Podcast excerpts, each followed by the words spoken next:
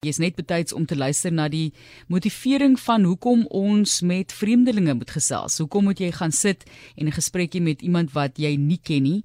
En ek sê altyd dis 'n belangrike deel vir my van daardie kry jouself uit jou gemaksone gesprek wat ek gereeld het is dit gaan nie net om jouself fisies uit te daag nie, dit gaan ook om jouself kultureel en sielkundig en intellektueel uit te daag. Is eintlik 'n langer lys is daai, maar dis al wat ek nou op hierdie stadium het om vir jou te bied van daai lys. A Stranger Kind is die gemeenskapsorganisasie se naam en hulle moedig dan nou mense aan om oop gesprekke met vreemdelinge te hê, mense met buitengewone ervarings, stel hulle self beskikbaar dat mense hulle kan uitvra om ander perspektiewe op situasies te kry. Die stigter is saam met ons in die ateljee van A Stranger Kind NGO en dit is Marie van Skalkwyk. Baie welkom aan jou. Baie baie dankie.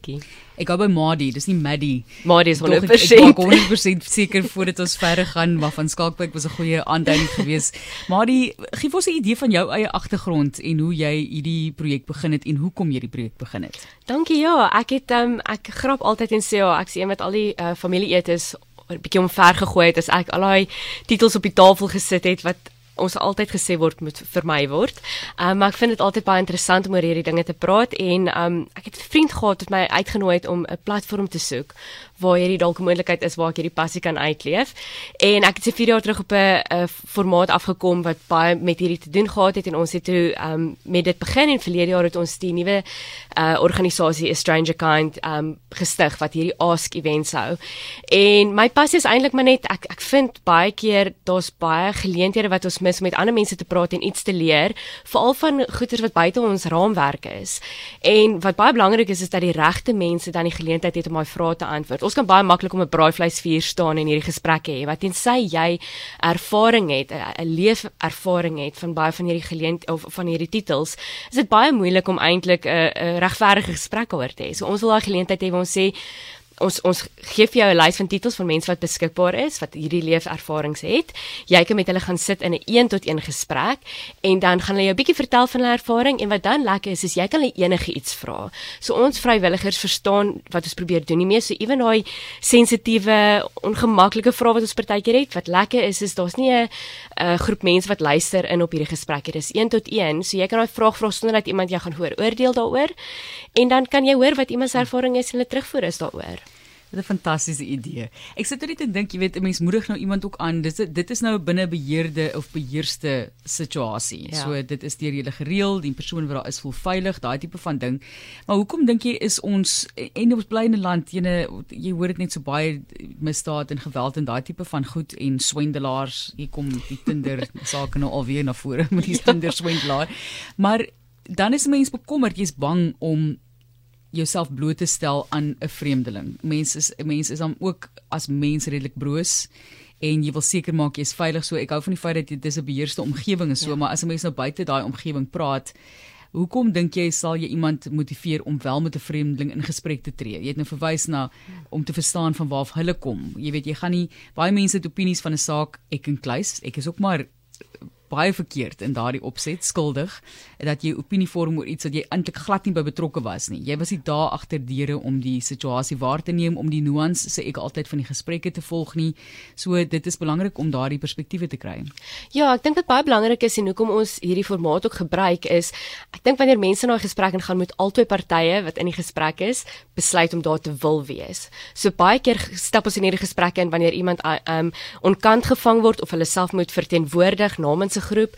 Uh wat ons probeer doen is ons sê kom ons haal baie van hierdie sensitiewe um strik strik plekke wat ons al vir onsself stel in hierdie geval uit die pad uit. En ons sê die mense wat daar is weet waarvoor hierdie gesprek daar is.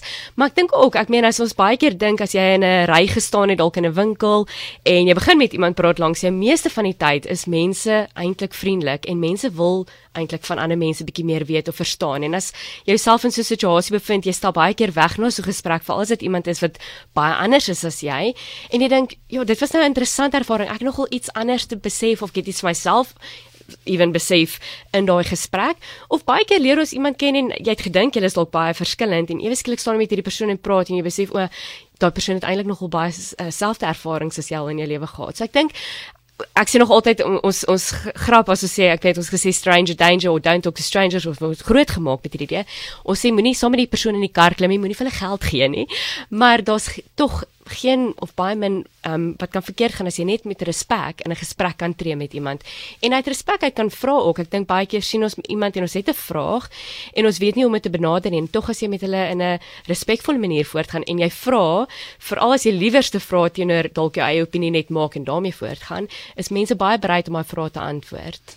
Kom ons gesels oor die geleenthede, hoe dit werk. Is dit aanlyn? Is dit aangesig tot aangesig? Weer vir 'n slag? So lyk like, weer eens, ons sê dit die hele tyd om weer mense in die ateljee te hê. Dis maar 'n ander ervaring, né? Die Eh, taal wat gepraat word met 'n mens die gebruik van oë en glimlag en al daai dinge dis 'n hele ander storie. Ja, on, ons vrywilligers sê ook hulle is verskriklik opgewonde nou om terug te wees in 'n formaat waar ons persoon tot persoon kan sit en hierdie gesprek hê. Dit het definitief 'n ander aanklank by hulle.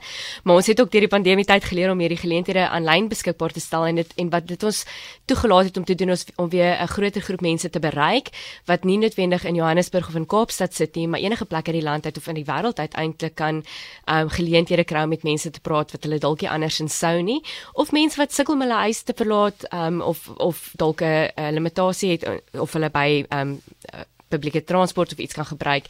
So dit het ons nou 'n geleentheid gegee om half albei kante toe te kan werk, maar ja, ons ons elke nou en dan uh, probeer ons 'n geleentheid hou um, op hierdie stadium is dit in Johannesburg en in Kaapstad meestal. En dit kan enigiewers wees. Ons het dit al in 'n klein teater gehou, ons het dit nou die dag by die Waterfront gehou.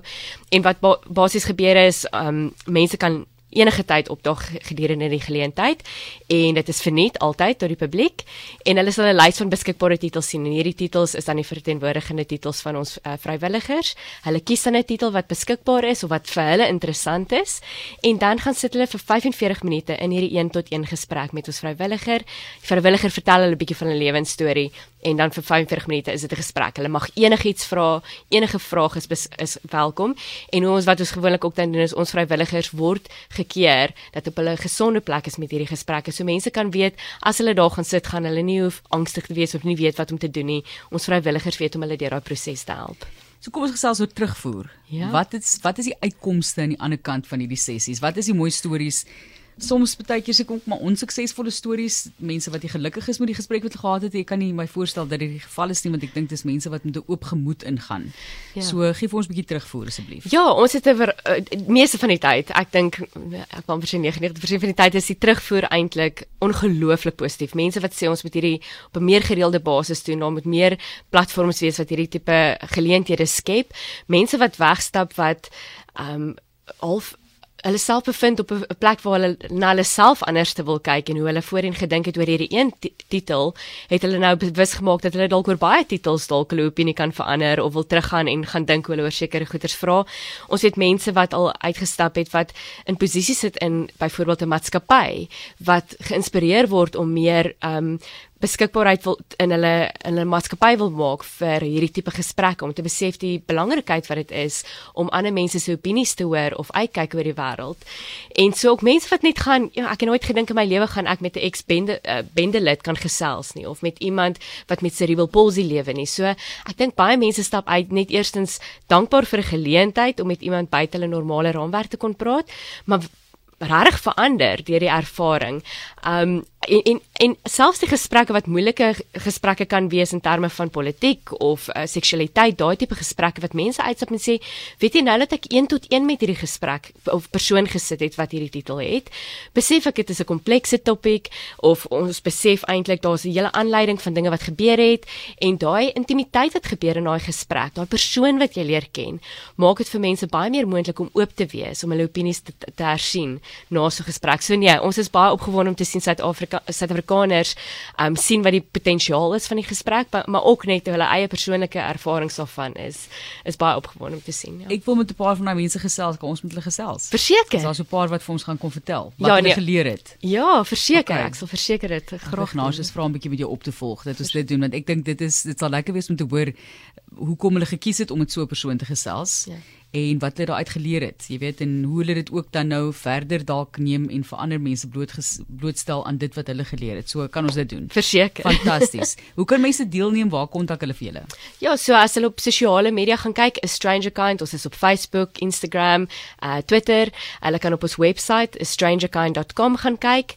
Hulle is welkom um ons op sosiale media sal hulle sien van ons geleenthede. Ons het vanaand 'n geleentheid. Dit is uitgeboek. Tussen 5 en 7 maal is welkom nog steeds my te kontak en te kom kyk hoe die platform lyk. Hulle is um kan my op WhatsApp of op SMS of net um skakel op 082 926 1012 en ja as hulle enige vrae het is hulle welkom net 'n boodskap te stuur en 'n bietjie meer uit te vind. Ek sê altyd vir mense al kom jy na een van die geleenthede en jy boek nie noodwendig 'n sessie nie kom kyk wat dit behels kom kyk wat die atmosfeer is kom wees net nuuskierig. En dit is ook eintlik ons uitnodiging is vir mense om te sê wees nuuskierig. Um ewen die die titels wat jy dink jy al van weet. Kom kyk wat ander mense se ervarings daarvan is en kom moet iemand anderste van van ons Suid-Afrikaanse demografiek wat ehm um, net anders is as jy.